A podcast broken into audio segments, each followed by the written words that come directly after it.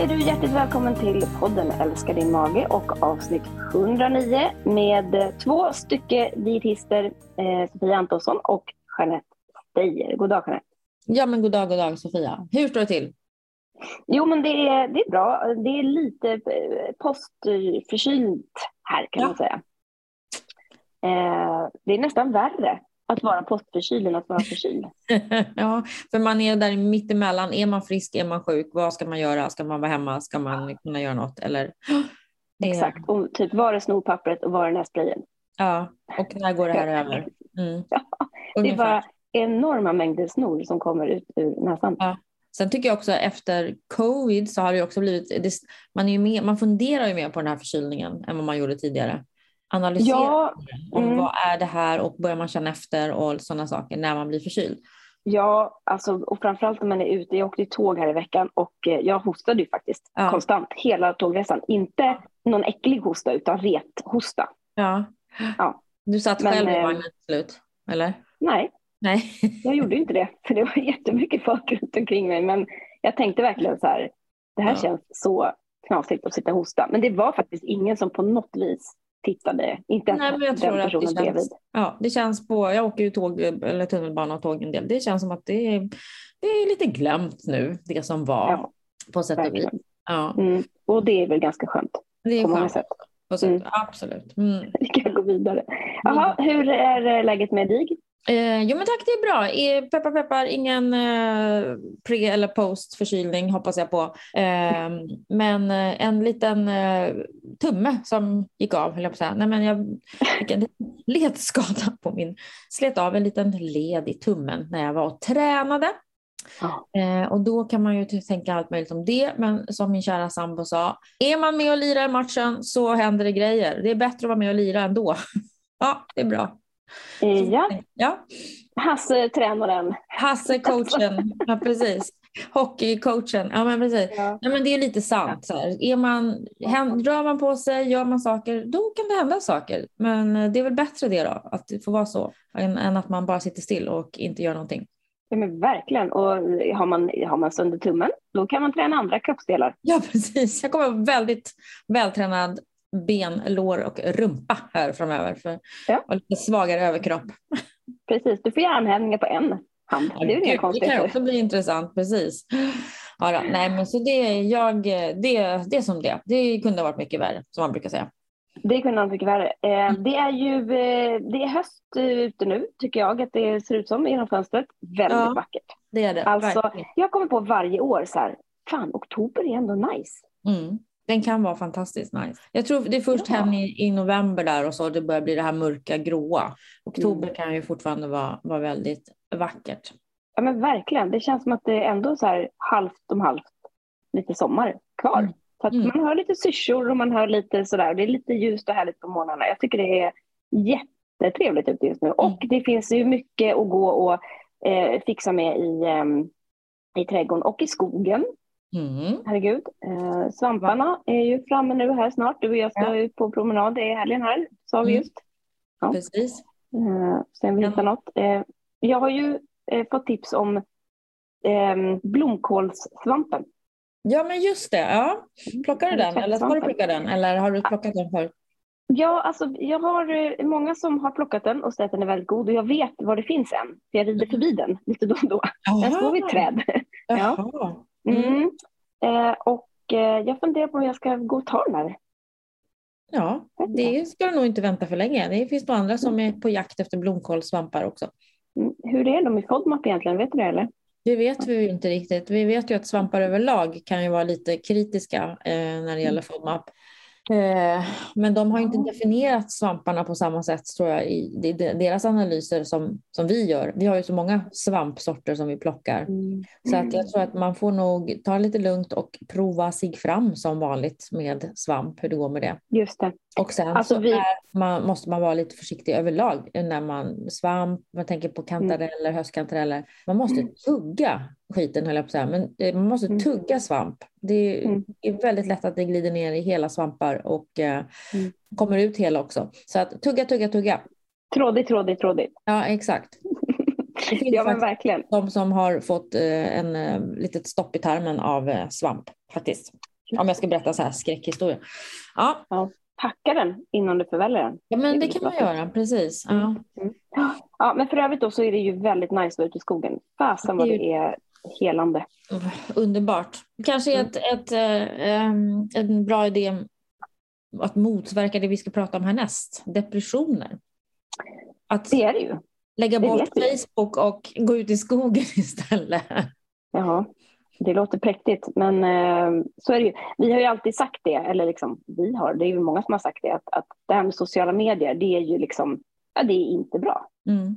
Väldigt, eh, väldigt lite positivt och väldigt mycket negativt. Alltså, det ser ut att vara väldigt positivt. Folks liv ser väldigt bra ut, men det blir väldigt negativt för den som tittar. Mm. För en del i alla fall tror jag. Det vore också sant, intressant att se och jämföra. Liksom, vem är det som blir mer påverkad, mindre påverkad? Påverkar alla eller är det liksom olika eh, perioder i sitt liv eller personligheter eller ja, just de som kanske inte mår toppen innan och börjar använda sociala medier och mår sämre av det. Mm. Eh, man kan ju undra. Det återstår väl att, att se kanske.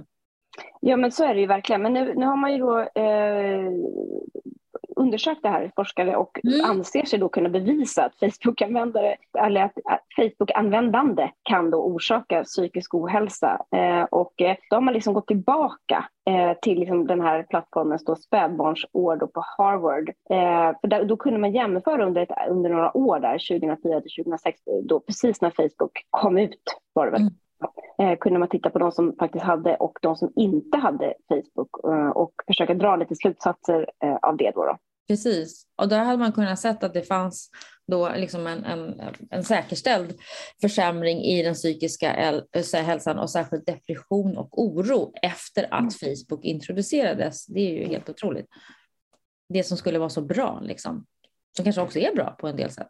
Ja, men det är klart. Det är mm. fantastiskt om man har, och jag tänker Facebook har verkligen ett syfte om man inte, om man har människor eller typ kompisar, släktingar som man inte har på nära håll. Mm. För det är det jag tycker så här, att mm. om, jag, om du och jag träffas och hörs regelbundet så mm. behöver inte jag veta vad du gör kanske nödvändigtvis mellan alla de gångerna.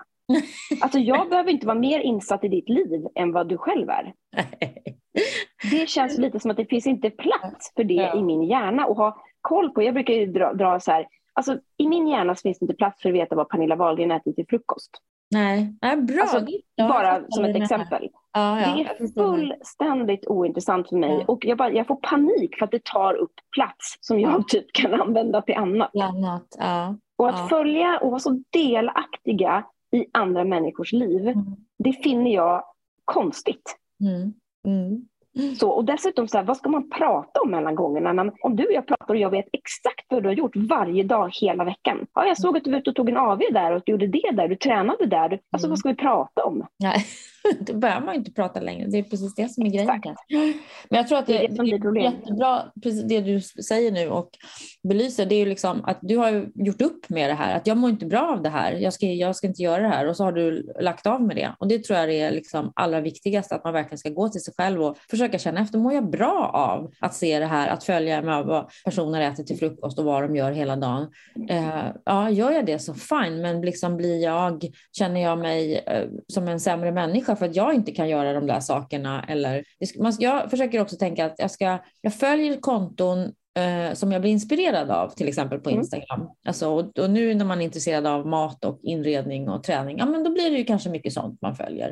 Eh, eller också om man är liksom lite mera miljömedveten eller kanske intresserad i kvinnosaksfrågor och sådana saker, men då kan jag följa vissa sådana personer eller andra som jag mm. tycker eh, har en twist och kan ta upp liksom, eh, nyheter eller saker som händer och kommentera dem på ett både liksom, roligt och liksom, vad ska man säga, eh, ett, ett sätt som gör att man förstår ibland galenskaperna i vissa saker som händer. Sådana mm. konton gillar jag att följa. Och så har jag avföljt en massa konton där jag känner bara, nej men alltså jag kan inte hålla på att följa sådana här människor, lite som du också säger, det, det går inte, det blir inget bra, liksom. det blir ointressant, det blir, ja, det, det tar för mycket tid helt enkelt, mm. tankekraft. Så jag tror att det är en viktig grej, att man gör upp med sig själv. Mår jag bra eller mår jag inte bra av att titta på de här sakerna? Ja men precis och, och, man vill ju gärna vara mer delaktig i sitt eget liv och lägga mm. tiden där än på ja. andras liv. Och jag håller ja. helt med om att jag följer ju jättemånga hästkonton på Instagram. Mm. Och där mm. lär ju jag mig saker. Det är ju ja. utbildning. Folk lägger ja. upp och visar så här går den här muskeln och här ner och hit och dit och så här ska mm. det se ut. Fasen var bra. Mm. Men jag skulle aldrig följa någon som bara så här, här är jag och min häst. Mm. Ja, mm. okej, okay. fint, där är ni. Alltså, ja jag vill ju lära mig något och få ut någonting. Eller om man är intresserad av inredning eller vad som helst som, mm. som inspirerar. Åh, oh, men gud vilken schysst lampa, den där, den kanske mm. man kan titta på. Mm. Eh, men jag tror att det här att bara, och det hade man ju sett i den undersökningen också, att de som faktiskt mådde lite sämre, de som drabbades extra hårt av det här, det var ju personer som redan var isolerade, som inte Exakt. bodde på liksom, campus eller så, som inte var engagerade i sociala aktiviteter. Och ja. det blir ett väldigt utanförskap när man, när man sitter och tittar på vad andra gör där man egentligen skulle vilja vara med själv. Mm. Det blir ju dubbelt stressande, tänker jag. Mm. Mm. Precis. Ja, och så ser man ju då också utifrån det här med ehm, eh, om man nu, de hade tittat på studenter med kreditkortsskulder som såg ja. då mm. kamrater som hade mera, som är mer välbeställda. Ja. Eh, och, eh, och där såg man också då att man liksom, det blir en skev uppfattning om varandra. Att man, man mm. ser bara hur lyckliga och, och liksom ja, rika kanske. Eller hur, ja. ja precis. Eh, mm. Eh, och då vill man själv vara där och då hamnar mm. man i skuld för att man går och tar massa krediter. Mm. Eh, man, sämre, man mår sämre av att se det då när man vet sin egen situation. Liksom. Exakt. Mm. Eh, och som vi också har pratat om tidigare, det här med att, att man ser eh, att, att andra konsumerar mycket alkohol. För att mycket av de bilder man lägger upp är mm. ju wow, nu är vi här och vi har det så bra och nu är vi ute. Och och så lägger man upp bilder som i, i många fall handlar mm. om att man liksom socialiserar och så dricker man alkohol. Ja, det är det som blir upplagt. Ja. Mm. Och det behöver inte alls betyda att den personen dricker mer alkohol än genomsnittet men det är bara de bilder man tenderar att lägga upp och därför tänker man att gud, alltså hon dricker verkligen väldigt mycket, eller ja, liksom ofta. Ja, men det är nog, vissa har, det har väl kanske blivit, det finns lite en sån kultur att, att man lägger upp saker där när det är lite festligt och ser lite fint och flashigt ut. Men om man bara lägger upp sådana saker, då kan man ju som en, en betraktare då verkligen få den uppfattningen, herregud vad det festas här eller vad det dricks mycket här. Och även om det, om det stämmer eller inte, det är ju svårt att veta, men man kan ju få en sån uppfattning. Exakt. Mm. Och det är just den där uppfattningen när man inte är där och kan fråga. Men alltså, Mm. Hur ofta är du ute och dricker? Ja. Det är en gång i månaden. Jaha, mm. oj då, jag tycker jag ser det hela tiden på din, på din ja. Eh, Instagram eller Facebook. Mm. Eh, och det är det här som blir problemet när man inte får alltså de här interaktionerna IRL utan man bara tittar och, och skapar sig en uppfattning om någonting som man, man får bara en pytte, pytte, pytteliten del av den personens hela liv. Mm. Men det är ett ehm. val också man tar vad det är man lägger upp att, på något vis att, att visa upp och få de här, tror jag, man får likes, man får kommentarer och åh vad fin och du är och det ena och det andra. Så det, det är väl mm. det också många gånger som man, många vill ha, att man vill, vill ha de där kommentarerna, likesen och, och, känna att man är uppskattad eller att man är fin och så. Uh, och så kan jag förstå dock på unga människor, kanske framför allt att det blir liksom, får man inte tillräckligt många likes, eller nu kan, använder ju de inte Facebook överhuvudtaget, de unga människorna, utan det är andra medier, då, TikTok mm. och så vidare. Men eh, ja, det kan bli, eh, det, det är ett, liksom en, helt, en helt ny värld, ett helt nytt sätt att umgås just som har uppstått då de här senaste 10-20 åren ju. Ja men verkligen. Och då, då tänker jag så här, vad, för att om man nu funderar då, alltså många reflekterar ju inte ens över att va, kan det här påverka mig om hur jag mår?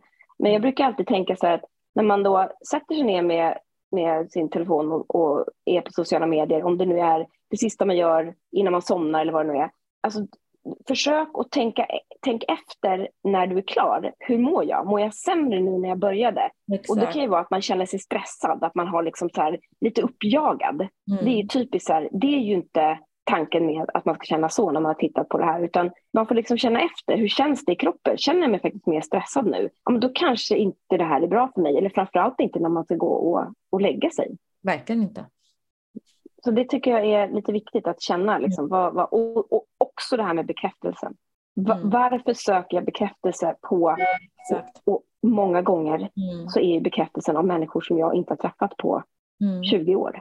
Mm. Det är någon gammal liksom, ja, tidigare arbetskollega som jag liksom, du vet, som bara åh kul. Och man bara, men vem är du? Alltså, vill man ha den, den liken, ja, undrar jag. Ja, men jag tror många vill nog det. Men sen tycker jag man kan ju fundera också generellt eftersom skärmarna, tvn och, har kommit in och kanske speciellt med telefonerna att då har ju skärmen och nyheterna och flödena kommit in helt in i, i sängkammaren och det som du säger, det sista vi gör innan vi somnar. Och då, det behöver inte vara sociala medier, det kan ju vara även att titta på, på nyheter och eh, massa hemska saker som händer runt i världen. Det sista man gör innan man somnar, det kan också, tänker jag, inte alltid vara så bra om man eh, har eh, lite oro eller behöver sin goda nattsömn. Sen ska man inte såklart undgå, man måste förstå vad som händer i världen, men det kanske inte är det sista man ska göra då innan man går och lägger sig, om man säger så.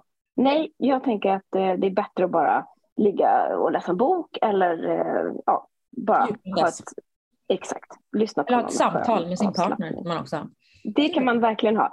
Mm. Eller, ja, eller så kan man. Eller så kan man klappa en hund. Klappa en hund. alltså jag har ju bredvid mig på min huvudkudde en liten ja, men det har... nöt. Ja. Ja. Jag har ju min lilla valp som ligger och sover med mig på nätterna. Hon är mm. så rar så att man undrar. Häromdagen så skrämde vi faktiskt en dam. Min dotter hade henne i famnen och mm. så stod vi och pratade en stund och sen så helt plötsligt så, så rörde sig hunden och hon blev superrädd. Hon bara gud jag trodde det var en leksakshund ni hade där och så rörde det på sig helt plötsligt. Den ja. ser alltså ut som en liten leksakshund. Ja, hon ser ut som en faktiskt mm. liten, ja hon är så söt. Men hon är så rar, eh, hon är så cool liksom. Mm. Eh, och det är så fint att bara kunna sträcka ut handen och bara klappa lite på henne mitt i mm. natten. Mm. Det är underbart. Va, den, vad säger eh, stor eh, då? Surtant. Um, ja, det är ehm, så. ja, hon är så sur. Ja. Mm. Hon mm. är inte alls glad i den här lögnen. Alltså, hon är inte jättestörd, men hon är ju ganska liksom så här, nej jag hoppar upp i soffan och lägger mig, tack. Och så mm. kan du göra något annat. Ja. ja. Så att, ja, eh, hon håller avstånd kan man säga. Om våra två katter då, en stora syster och en lillasyster som kom flera år senare. För vi tyckte att det skulle vara bra sällskap, men det blev inte mm. riktigt så. Den stora tycker att eh, okej, okay, hur tänkte ni nu när ni tog hit henne? Ja. Men ja, det var, en intressant här då i den här studien att våra hjärnor mm. av att klappa en hund som man skriver här. Jag undrar just då också om det gäller för katt. Jag tänker att det nog gäller för ett levande djur. Tänker jag. Ja, kanske inte behöver ha en häst i sängen, men, men nu har vi ju en liten mindre hundvalp som du kan ha i sängen.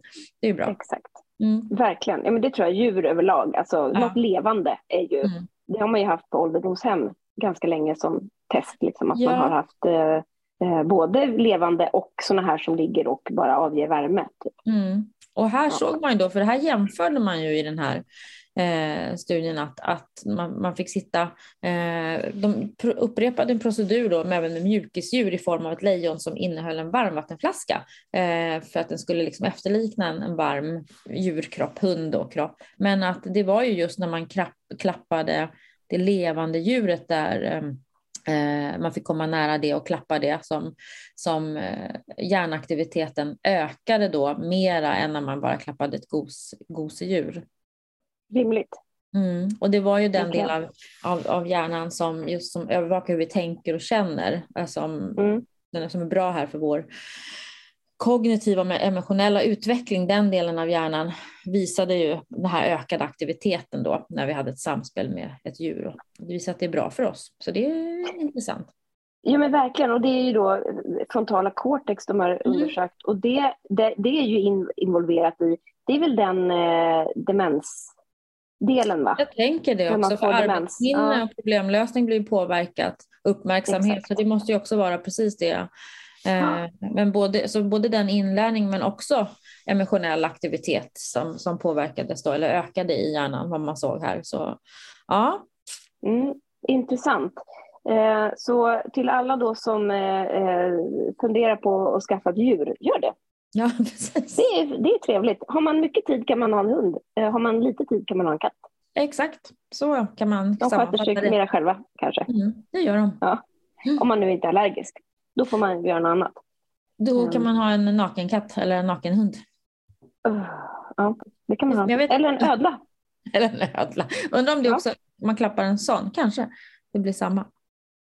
Ja, jag tror att det är mera liksom att det är något levande som man liksom så det är en speciell känsla på något vis. Och att man också har den som att man tar hand om den. Man sköter den ju liksom mm. som, som sitt lilla barn. Mm. Men jag tänker det just att det. det var det här beröringen också som, som gör det, som stimulerar på något vis. Då, då, man kanske inte räcker med en vandrande pinne och klappa den, utan det måste kanske vara något mera. Ja. Något som, som har en, en kroppstemperatur på cirka 37 eller något sånt. Det, så kan det ju helt klart mm. Eh, vara. Mm. Mm. mm. Ja, ja. Nej, men det är, vi är glada för detta, eh, då vi som gillar djur. Helt klart. Ja, men precis.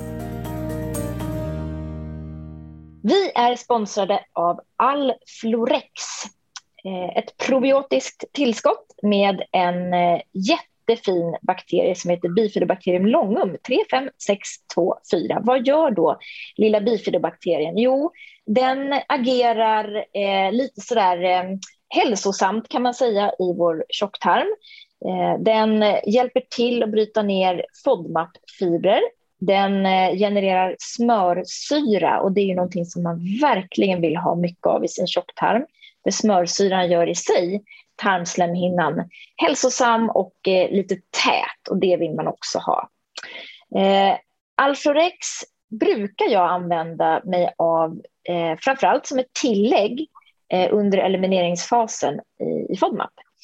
Eh, och anledningen till det är ju dels att man vill ha lite hjälp att bryta ner de bråkiga fibrerna men också faktiskt för att man har sett att i, under elimineringsfasen så tenderar mängden bifiberbakterier att minska lite grann eftersom man tar bort eh, bland annat då lök och vitlök som är den naturliga födan till de här bakterierna.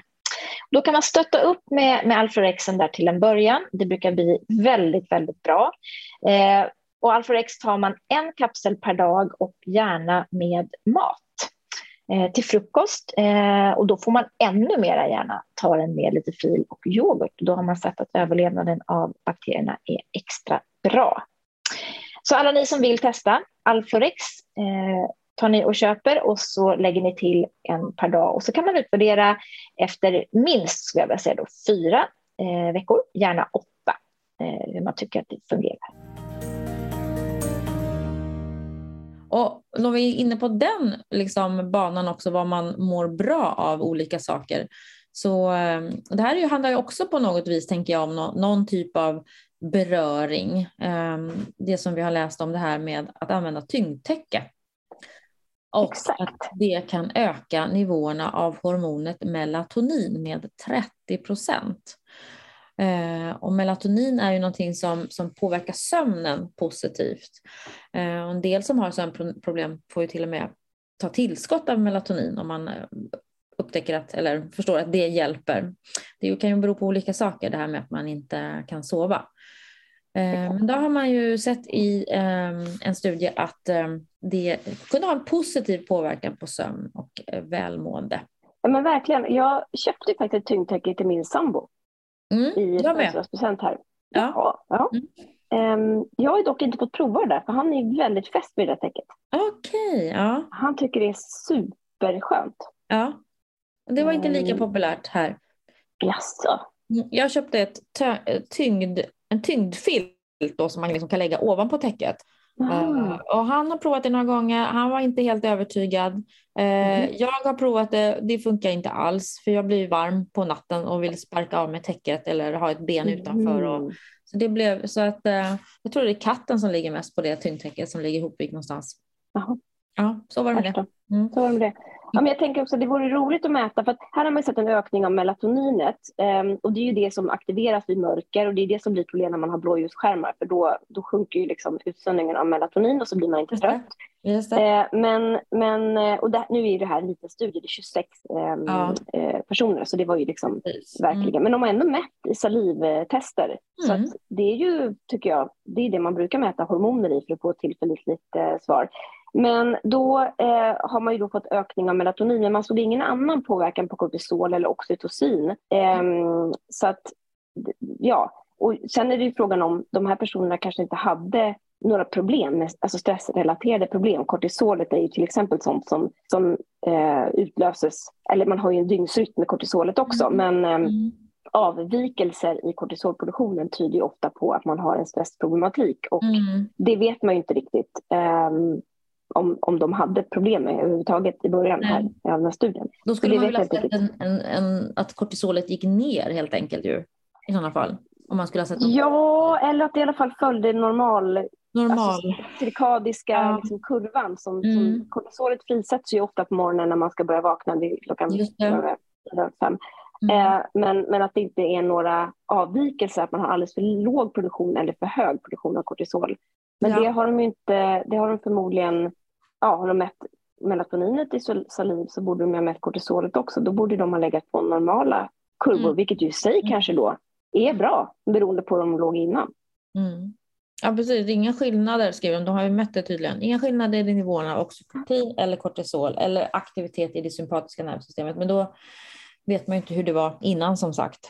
Nej, det är det man inte vet. Men det här är ju väldigt intressant. Eh, Jag tänker också, för det pratar vi också om, ofta om jag och min sambo, det här med djupsömnen. För det är ju den man vill åt, det är den man vill få. Man vill få en längre tids djupsömn ju under Ja. varje natt. Ja. Eh, och det hade ju också varit intressant att göra en mätning på hur förändras djupsömnen med och utan tyngdtäcke. Mm. Det skulle jag vilja se. Mm. Det är bara att starta studien. Eh, mm. Det är Christian eh, Benedikt som har gjort den här faktiskt, Uppsala. Uppsala universitet. Ja. Och ta hooka, hooka upp med honom här och se vad, Ja. han, vad han säger. Ja.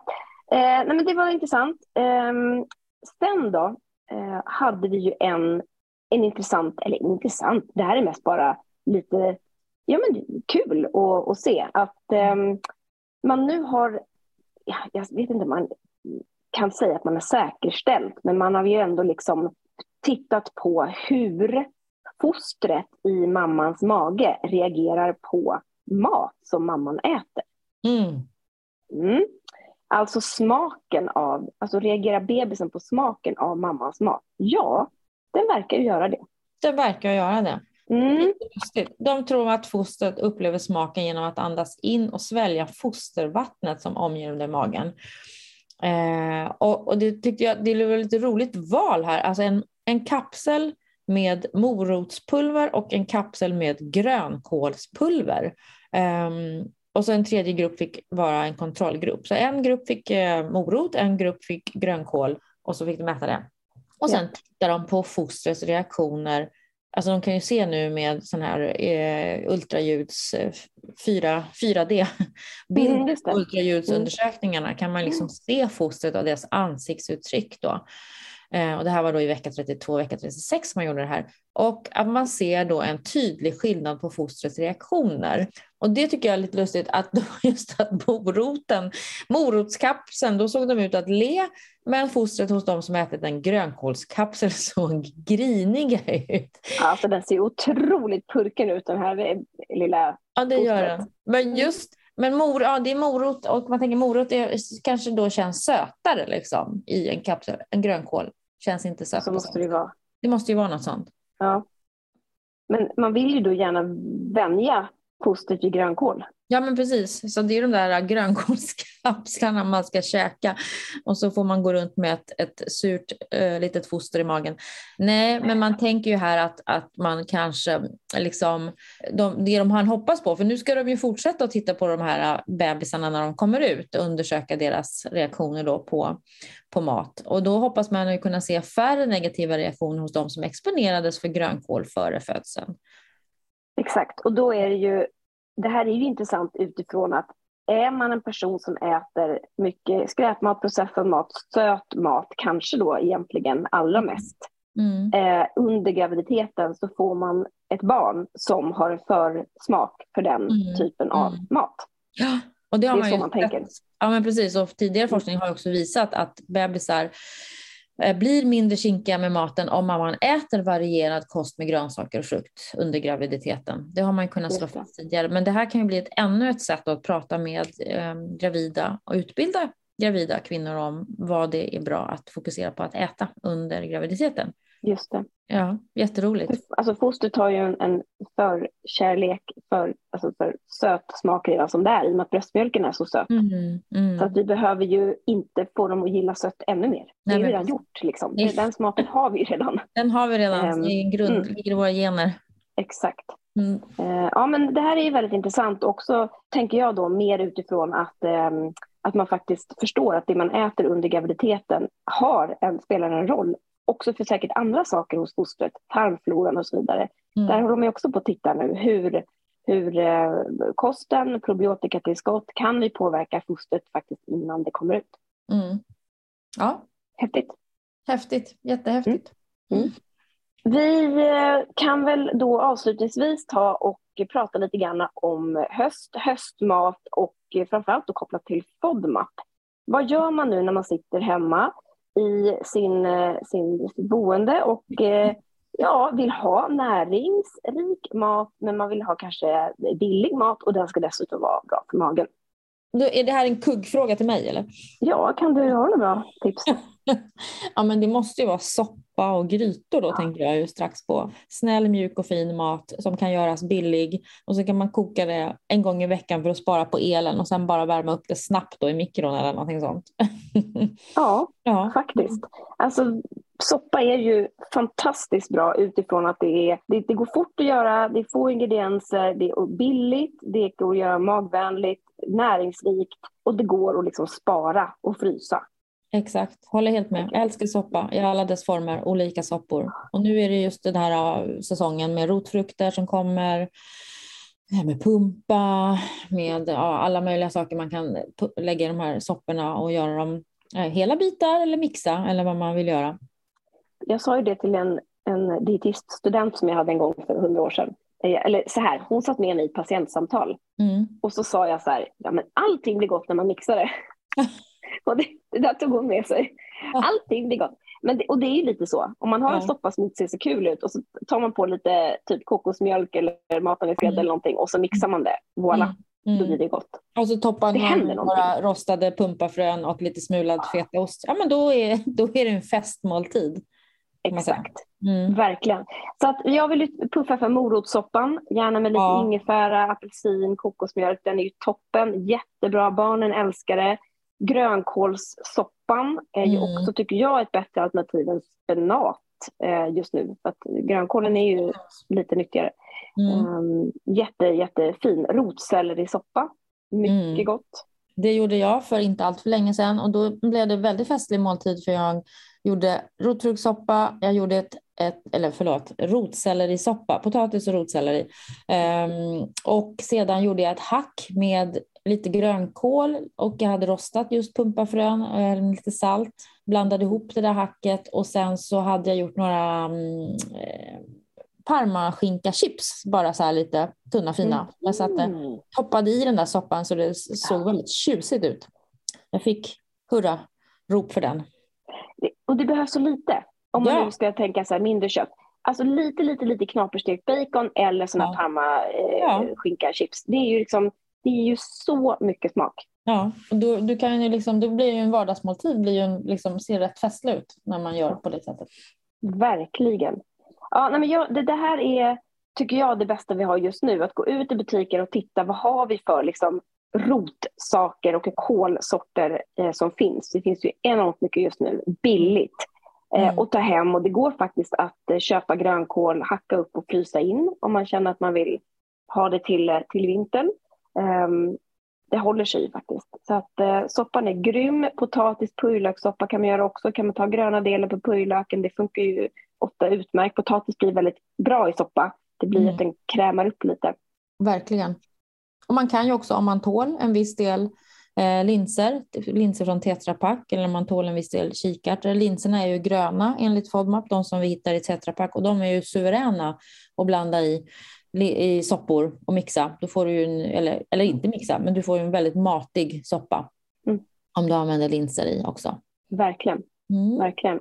Ja, men soppan då, den, eh, det får bli liksom eh, höstens eh, nummer ett, tycker jag. Ja, det är så, alltså, kör lite meal prepping på söndagen faktiskt och göra ett par omgångar soppa och så har man det hemma. Det är ju så skönt sen när man kommer hem på vardagen. Det är mörkt, mm. det är liksom, man är trött. Fram mm. med den där sköna härliga soppan och så typ kan man köra ett surdegsbröd till eller lite fröknäcke är ju också grymt gott att ha till. Absolut. Det, det, är, nästan, det är lite obligatoriskt att man behöver någon liten smörgås, någon typ av bröd till en soppa. Det är, det är, så känns det ju. Verkligen. Filimpan funkar jättebra. Mm. Bra. Soppa, Gud vad gott. soppa. Ja. Ja. ja, men nu blir jag lite hungrig faktiskt. Kände jag. Ja. Eh, det var egentligen eh, det var dagens avsnitt. Det var det. Ja, Ska vi inte det. hinna tipsa om silverlöken lite snabbt? det kan vi Innan göra. vi slutar. Jo. Vi har pratat om silverlök, att det är en mildare form av lök och enligt eh, Monash så vad vi då tycker oss kunna utrena så är den ju i en mindre mängd eh, gulmarkerad. Så att Ja. vi tycker att den kan vara värd att prova den där lilla silverlöken om man kan tillsätta den. Ja, men precis. Man borde kunna ha den i, eh, liksom, i eh, en liten mindre mängd, då, någonstans kring 50 gram för fyra portionsmåltid.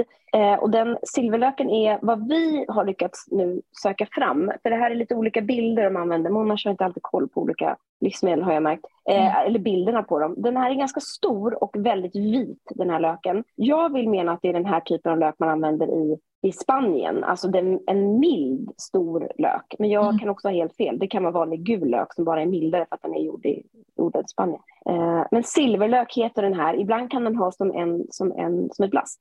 Mm, Eh, säljas i knipp, knippen.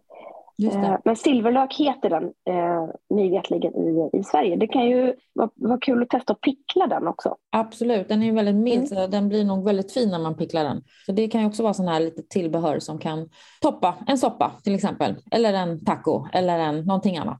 Exakt. Mm. Eh, ut och leta silverlök. Jag tror man hittar den i ganska, ganska många affärer eh, nu för tiden. Mm. Mm. Det tror jag också. Då ska jag ut och leta svamp i helgen. Ja, jag med. Svamp och Mm. silverlök. Exakt. Ja. Och sen äter man i väldigt små portioner. Exakt. Bra. Du eh, Jeanette, tack för idag. Är det, ni, är, det, är, det ni, är det någon som nu funderar på vad är, det, eh, vad är vi för några egentligen? Gå in och kolla på bellybalance.se, ladda ner appen som heter Belly Balance. Där kan ni testa eh, de första stegen i behandlingen gratis och där pratar vi om vad IBS är för någonting så att ni är med på det allihopa. Eh, vi tipsar om webbshoppen, där har vi våra fina FODMAP-vänliga produkter och den finns på hemsidan också. Eh, och eh, alla våra tidigare poddavsnitt kan ni gå in och, eh, och lyssna på också om ni vill. Det får ni så gärna göra. Det var väl typ det. Det var väl typ Följ oss på det. Instagram. Ja, Det måste vi säga också. mycket fina tips på Sverige. Instagram har vi. Ja. Mm. Det vill jag mena. Eh, där får ni gärna gå in och följa och kommentera och vara lite, lite interaktiva med oss. Där svarar vi så gott vi kan. Ja.